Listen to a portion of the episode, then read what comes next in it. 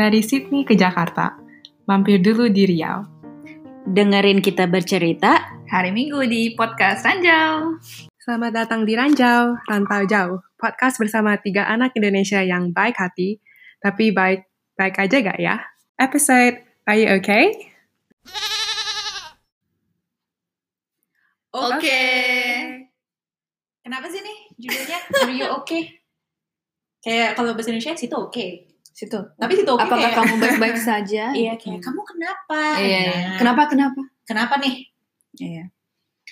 Kita kalau mungkin kalau bahasa Indo, eh, maksudnya kita jarang ngomong kayak gitu kan, kayak oh paling kayak oh apa kabar atau Hmm, temen gue paling udah iya. makan belum gitu kan, Hmm. tapi jarang kayak nanya, are you okay gitu kan. Iya.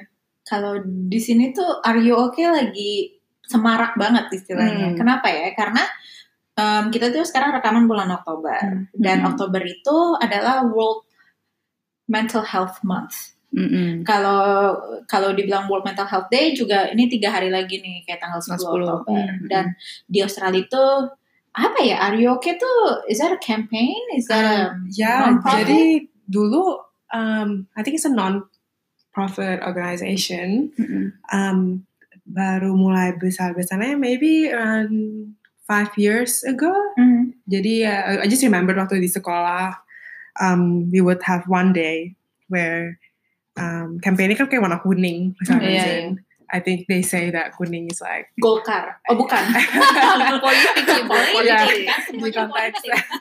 di konteks Australia uh, they, they did say kayak warna kuning tuh like a happy Oh, color gitu. Baik. um, tapi just remember waktu di sekolah kayak di SMA we would spend a day kayak are you an are you okay day? So you would wear Hmm. something yellow atau beli pinnya lah atau apalah or you encourage each other to say you know ask each other are you okay? gitu. And then since then kayak setiap adalah satu hari in one year itu where it'll be apa they just dedicated to that. And apa namanya it's been really big. Mhm. um, apalagi through kayak social media and things it's been really big. But I, I guess it's also because um, kayak mental health ini kayak dulunya juga nggak pernah di discuss and Mhm. it's always um, everyone have this kind of negative Hmm. um, connotation to it and di Indo paling lebih parah ya this is kalau di Yeah. Australia jadi begini ya Yeah. apalagi di Indonesia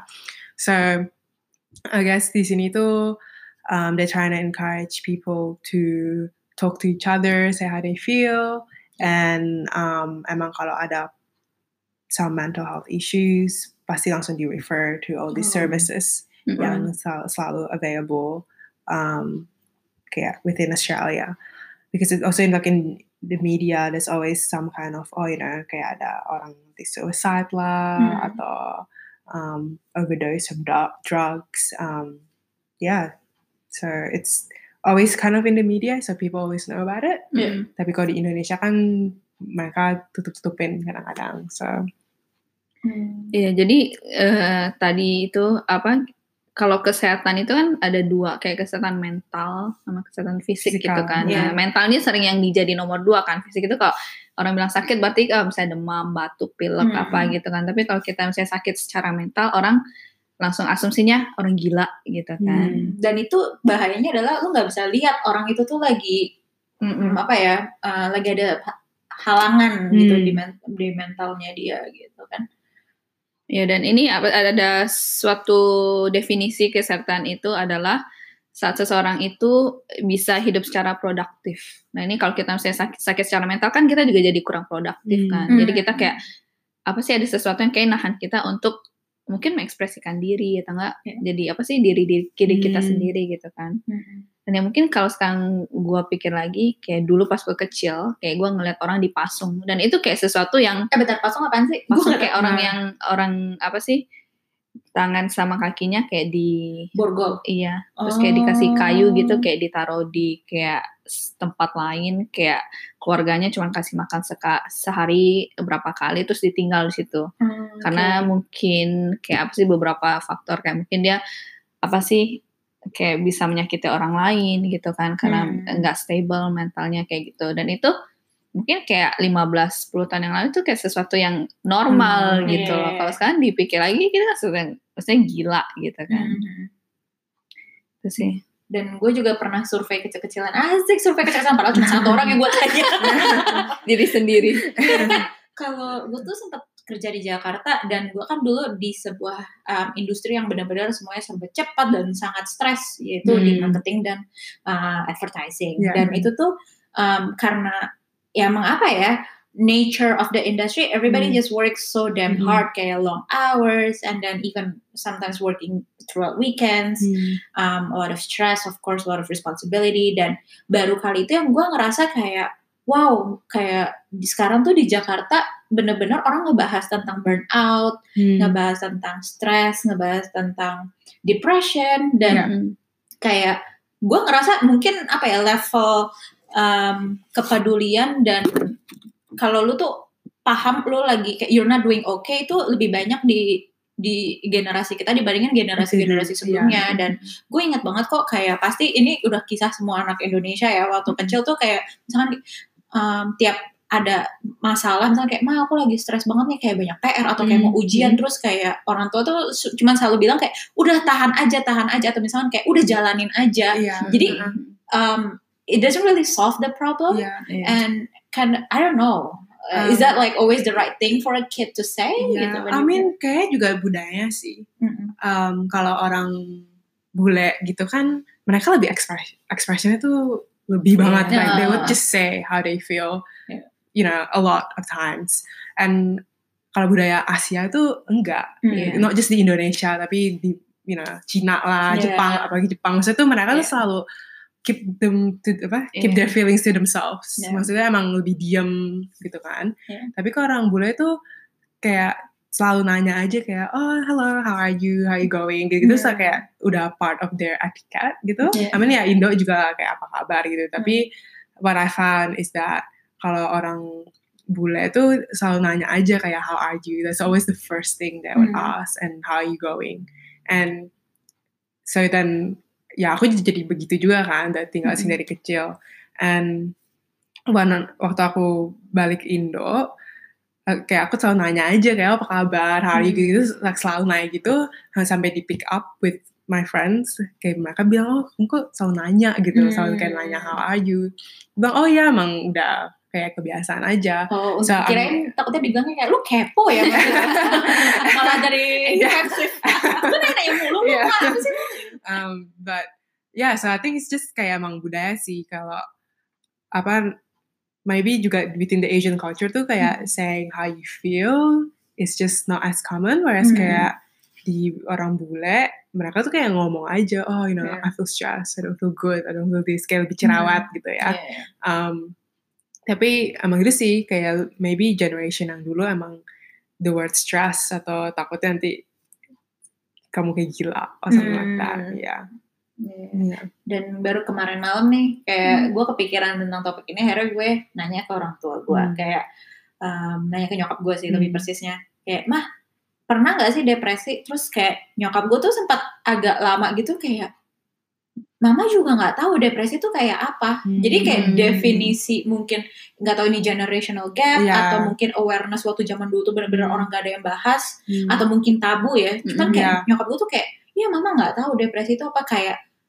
nggak bisa bedain yang mana sedih, yang mana depresi, atau yang mana anxiety. Iya. Mm-mm. Jadi kayak I thought that was quite interesting karena Iya, iya. um, mungkin kalau di Indo kalau ngomong sama temen-temen lu that's what we talk about gitu kan kayak we just know the difference is karena we've gone I don't know maybe Iya. we've gone through um, stories about Mm. people suffering through that or like they have experienced that Mhm. themselves um, yeah which I thought was quite interesting observation karena mungkin ya Mhm. emang dulu apa ya istilahnya tuh ya zaman dulu aja susah udah tahan-tahan aja Iya. gitu. Iya. Atau mungkin kayak permasalahan yang orang apa sih mungkin orang tua kita hadapin sama kita tuh kayak permasalahan yang Iya. beda banget kan. Kalau mungkin mereka lebih kayak survival gitu kan. Kalau kita kan Hmm. lebih kayak oh cita-cita gue gue mau ini gue mau itu kayak sesuatu yang dua hal yang berbeda gitu kan. Hmm. Jadi kayak itu mungkin triggernya beda. Mungkin kalau orang zaman dulu mungkin yang kayak lebih ke apa ya mungkin stres tapi stres yang mungkin nggak bisa mereka ceritain gitu loh karena Hmm, kayak apa sih iya. lebih ke economical apa sih Iya, atau mungkin gitu semua orang ya. juga punya problem. Udah lu diem Iya, aja, kita iya, bareng-bareng ada, aja. iya. Tapi speaking of survival, um, gue punya teman nih, dia tuh orang tua dua anak milenial dan dia Hmm. sempat khawatir karena kayak untuk anak gue maju atau misalkan kompetisi zaman sekarang tuh kan susah banget ya. Hmm. Maksudnya semua anak Jakarta misalkan kayak udah bisa ngerti bahasa Inggris atau mungkin akses pendidikan yang jauh lebih baik tuh udah Hmm. banyak banget dan kayak how will my child ever compete gitu kan selalu Hmm. pertanyaan orang tua zaman sekarang dan dia sempat ngeliat studi um, gue lupa dari BCG atau dari McKinsey bahwa anak-anak yang milenial itu sekarang lebih kompetisinya tujuh kali lebih besar daripada generasi orang tuanya Hmm. karena semua orang udah pada pintar, Iya. udah pada punya akses informasi Iya. lewat internet Heeh. dan itu juga apakah itu makanya anak-anak milenial jadi cepat stres Stress, iya. maybe I don't Maybe. know Iya. Karena iya karena kita kalau kalau gue kayak ngambil contohnya gue kayak dulu mungkin apa sih di sekolah kompetisinya cuma di kelas gitu kan atau enggak kita Hmm. ngelihatnya bahkan dulu pas gue kecil juga nggak ada internet gitu loh kayak Iya. benar-benar orang Iya. cuma di kelas atau enggak orang di kota Singkawang gitu kan Hmm. kita nggak tahu hal apa yang terjadi di luar Hmm. sana kalau sekarang kan orang begitu buka HP langsung ngeliat wah mereka udah kayak gini kita Iya. gimana kita bisa compete Iya. sama mereka gitu kan Iya. Hmm. Tapi kalian pernah nggak sih kayak apa ngerasain bahwa pas orang nanya kayak are you okay terus kayak langsung wah ngena banget nih kayak that's what I all need to hear gitu kayak to check how am I doing karena Hmm. kalau gue sendiri ini orangnya selalu kayak mikir apa yang ada di depan kadang-kadang nggak Iya. mikir diri sendiri gitu loh dan Mm-mm. itu tuh menurut gue ngebantu banget kayak that's a simple question right and Hmm. it's, it's, it's simple like are you okay dan itu Hmm. benar-benar bikin gue mikir kayak wow am I okay gitu Iya. atau mungkin gue terlalu stres benar-benar ngadepin apa yang ada di depan gue tapi gue nggak mikirin diri gue gitu. dan itu Iya. baru benar-benar kerasa banget pas ya udah pas pindah ke Australia karena itu di mana-mana kan dan mungkin lebih kayak apa ya em, nggak cuma di sini dirayain banget di di bener-bener people take time to understand mental health Iya. nggak cuma di sekolah tapi juga di tempat kerja gue juga Hmm. ada workshop gitu-gitu Iya. kayak managing stress gitu-gitu dan apa ya lebih kayak I don't know I think it's just the nature of our world right now we Mm-mm. we we we work so hard and then Yeah. everything moves so fast Mm-mm. dan dulu mungkin nggak tahu sih dulu mungkin stres gue juga beda ya sebagai anak kuliah atau anak Hmm. sekolah gitu cuman yeah I think it's good that like I think people are more aware about this um hopefully di Indonesia juga Mm-mm. dan ya Ya kalau dia dulu sih emang emang dari sekolah ya kayak hmm. emang ada kita ada subjek namanya PDHPE. Jadi Oh. itu physical sama it's like it's all about health. Personal development Men- health and physical Ya, education education gitu kan. gue juga awalnya baru tau karena gue kerja di industri ed- education technology Ah, gue iya. kayak apa PDHPE gitu Uh, ya namanya PDHPE, so that would be all the sports sub sports things that we do. Um, it's apa namanya also apa ini we talk about mental health and Hmm. um, different types of mental health. Jadi Hmm. dari depression, anxiety lah, Hmm. um, bipolar disorder lah. Maksudnya tuh Gila. ya benar-benar you know sampai kayak ada assessmentnya like you actually Iya, have to iya, know Hmm. each one. Jadi itu kamu ngerti apa namanya um, what the differences are. Habis itu juga obat-obatnya dan it will also encourage us to Hmm. um, kalau misalnya emang kita ada any mental health issues um, to actually reach out and like say something Yeah. because I think there are there's a lot in young people now. Kayak if you're around kayak 16 up Mhm. gitu, kayak selalu aja pasti udah dimulai di talk about it. Hmm. Um, and I think it's because you know people are starting to finish off schools and they go to uni. Yeah. Belum apa namanya stress dari kita kan di sini ada HSC namanya. Hmm. Mm-mm. So biasanya sejak dari HSC itu mereka langsung Oh. kayak you know like oh don't get too stressed because of um, what you want to do after school. I think that's the first kind of thing that they always kind of um, focus on in terms of stress, kayak how to manage your stress abis sekolah gitu, abis juga um, abis um, abis your HEC in terms of oh, what you want to do in life. I mean it's Yeah. it's a big question gitu, Hmm. right? Yeah. and um and then dari situ aja sampai uni sampai kerja itu it's always something that we always talk about in terms of mental health um I guess di sini juga servicesnya lebih banyak and selalu di promote. Oh, you know, kita ada apa ya, kids helpline, so there's a number Hmm. 24/7. There's always some someone kayak Iya. behind the phone, kayak- and then you can just call them up, and if you just want to talk, Iya. and then services like that, you don't actually have to get a GP gitu buat Hmm. dapat apa um, those referral letters. Jadi itu Hmm. you don't need a medical um, letter saying oh kamu tuh actually di, apa depressed or kamu tuh ada anxiety. So you don't actually have to be um, diagnosed in a Yeah. sense. Mhm. Jadi kalau kamu lagi feeling down aja, kamu langsung bisa pick up the phone and just talk to someone gitu. Mhm. Jadi kalau maybe kalau di Indo, I'm not too sure. Kalau di Indo tuh kayak services kayak gitu kan paling nggak ada gitu ya. apa ya PDHP itu kalau di sekolah kita tuh kayak guru BK ya tapi Iya, guru iya, BK lebih BK, kayak BK. ngedisiplin anak bandel kayak Iya, misalkan BK. roknya di atas lu atau kayak rambutnya dipilok kan kayak ayam gitu iya. alright Iya. iya So- iya dulu BK gue sih gak gak ngomong apa-apa ya Dulu BK gue Iya. malah kalau ibu, eh, misalnya guru BK yang datang ke kelas kita curhat, lebih kayak sesi curhat aja. Oh, Hmm. kayak kayak ya udah ngomongin tentang ya kayak ngobrol aja jadi kayak lebih santai, Iya, curhat gitu. uh, Tapi nggak nggak iya. benar-benar ngomong kayak mental health gitu nggak ada. Hmm. iya benar Iya sih. kan.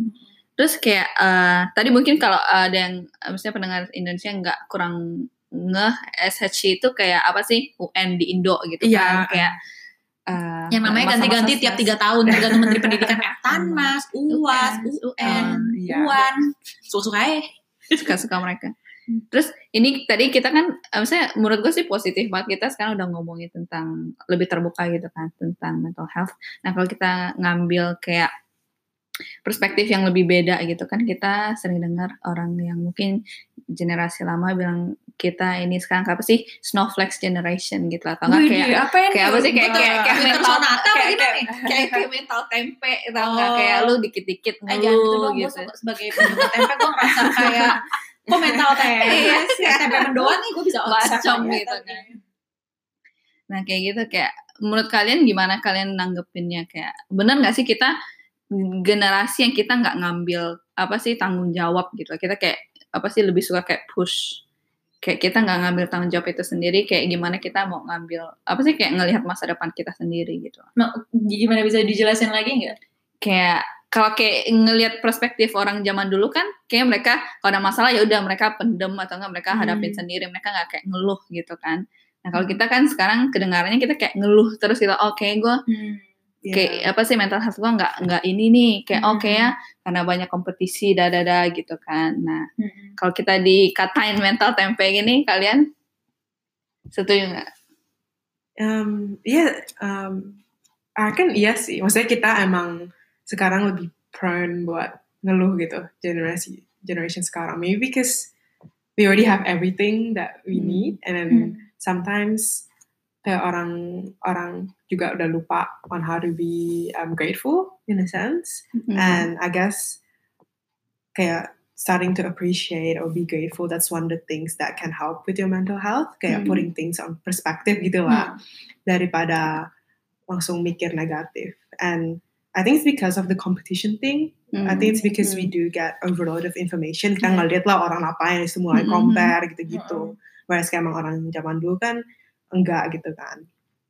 There's always this saying kayak oh you know we've got um, kayak first world problems. I don't know if you've heard the term kayak di sini kayak oh you know kayak the littlest thing that is Kayak, very fixable ya. iPhone baru gede banget gak muat di kantong jeans gue. Iya, Itu iya, lagi kayak- kayak masalah little problems gitu kayak I think that's kind of kayak generation kita banget kayak hal-hal kecil tuh udah di complainin atau udah di ngeluhin gitu whereas beforehand kan kayak generasi orang tua kita kan lebih pasti emang problemsnya lebih big like economic lah atau apa Hmm. gitu um, but I think generasi sekarang anak-anak muda ini sometimes they just forget kayak we do have everything that we need and then Mhm, maybe mhm. because because we do have everything that we need jadi kita langsung mikir cita-cita kita atau apa namanya kita mau di mana like by Hmm. this time we have to able to have a job already atau this and this because opportunities emang udah banyak banget um, but I reckon ya kit- apa Mhm. namanya kita mentalnya emang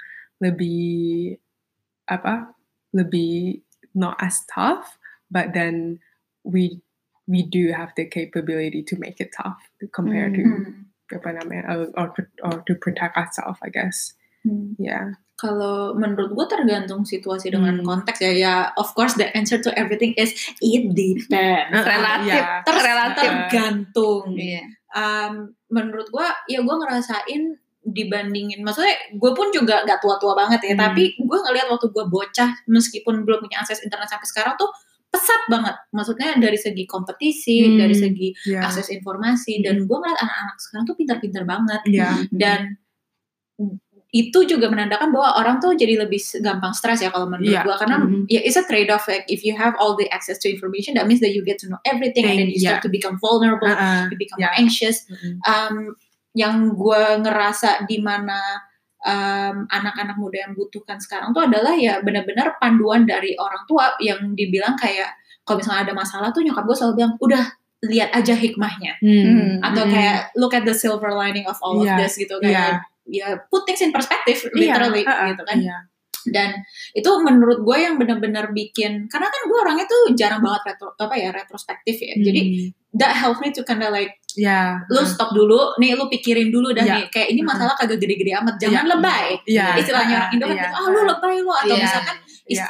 kata-kata Indonesia yang menurut gue tuh bener-bener apa ya, sempurna banget ngejelasin tuh jangan Betul. pasrahan Dan pasrah. Hmm. pasrah tuh udah kayak Indo banget kan kalau Iya. misalnya ah udah ah, pasrah aja gitu padahal ya you can do something about it Hmm. gitu ya mental tempe menurut gue lebih apa ya orang tuh mental tempe harus diubah dengan mindset maksudnya Hmm. eh, di Australia itu gue nggak tahu ya kayak di sekolah suka diajarin namanya growth mindset Yeah, maybe. That sounds like a workplace thing. Kayak, Oh, Atau- I think that's a school thing. Oh, okay. dari SD diajarin kayak daripada lu jatuh dari sepeda terus lu nangis, lu bilang kayak, oh, gue harus bisa coba lagi nih. hmm, kayak yeah, gue uh, harus menghadapi ketakutan gue. Iya, Nah itu uh-uh. sih menurut gue yang bisa Hmm. salah satu apa ya konsep yang ngerubah ya anak-anak zaman sekarang mental tempe ya lu harus ngerubah perspektif lu, Iya, harus ngerubah mindset lu kalau it's not the end of the world kayak nggak Mm-mm. kiamat kok atau misalkan istilahnya orang Indo ah lu kagak mati-mati juga kan ya udah gitu. Itu sih. Menurut lu gimana, Wal? menurut gua mungkin apa sih generasi kita tuh ngeliatnya kayak ke micro micro problem gitu kayak hal-hal kecil dan menurut gua mungkin nggak fair kali ya untuk compare misalnya problem kayak problem adalah problem gitu Hmm. sebesar Hmm. dan sekecil apa pun mungkin untuk orang itu adalah hal Hmm. yang besar mungkin Iya. untuk individual yang lain enggak gitu Hmm. loh itu kan tergantung perjalanan masing-masing gitu kan Hmm.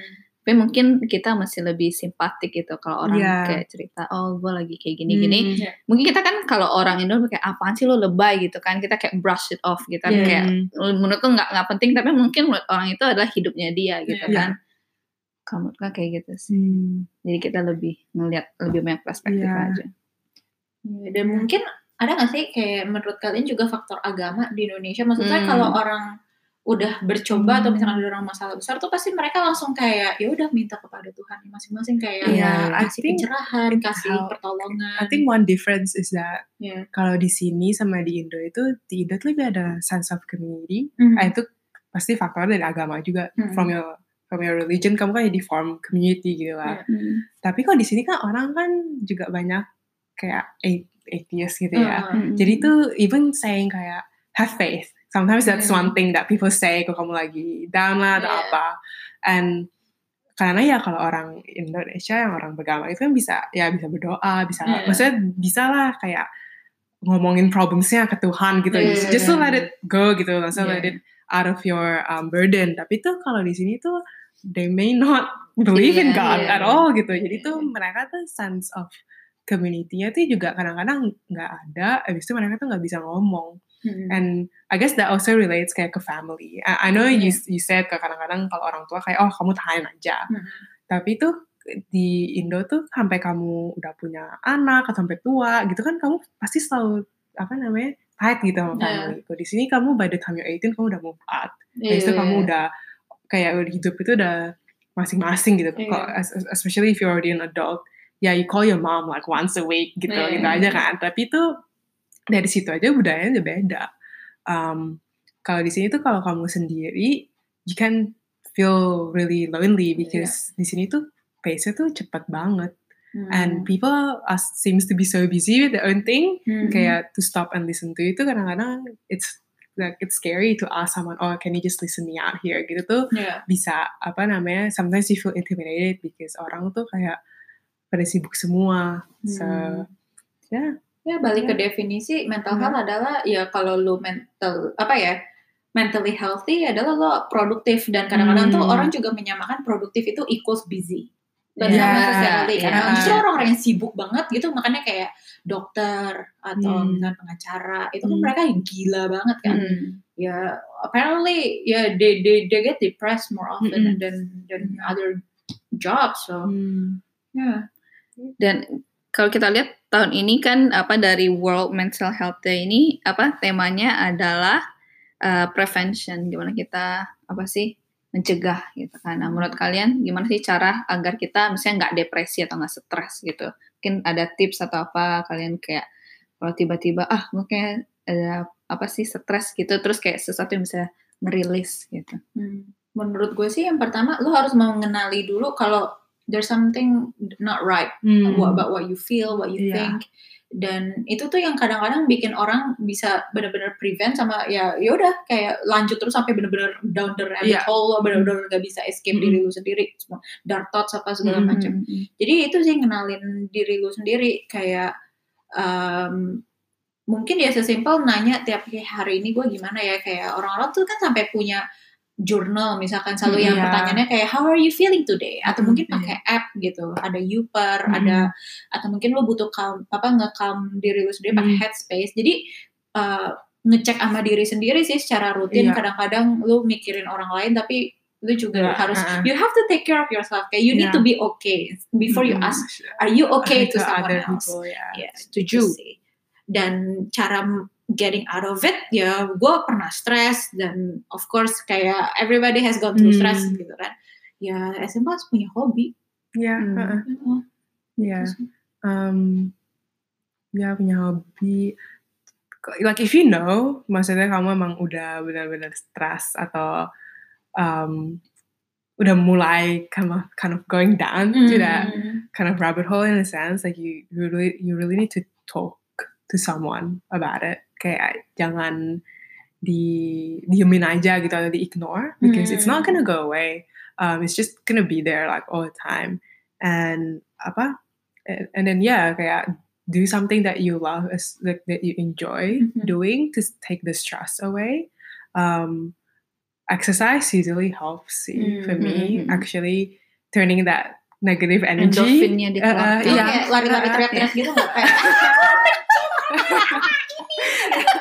sambil lari sambil teriak, beneran- teriak. beneran Nggak. ditangkap di kayak orang gila beneran.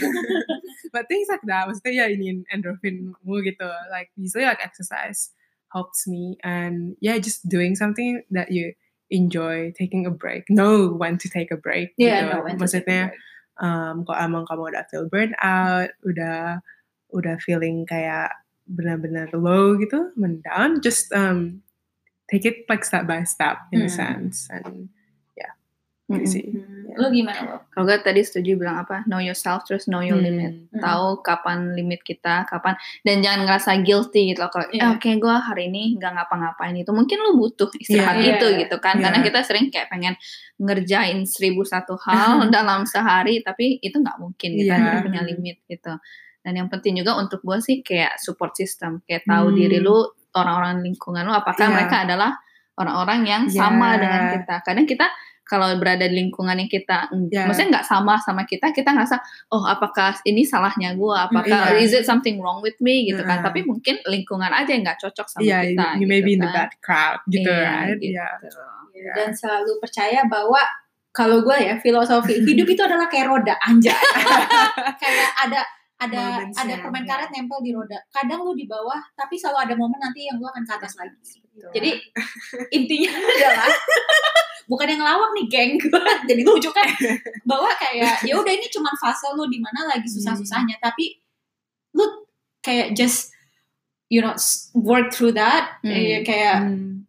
get help from other people Yeah. Mm-mm. know your limits but you know in later on in the future in the near future you'll get better ya gitu know your outlet Ya. Hmm, gitu gitu.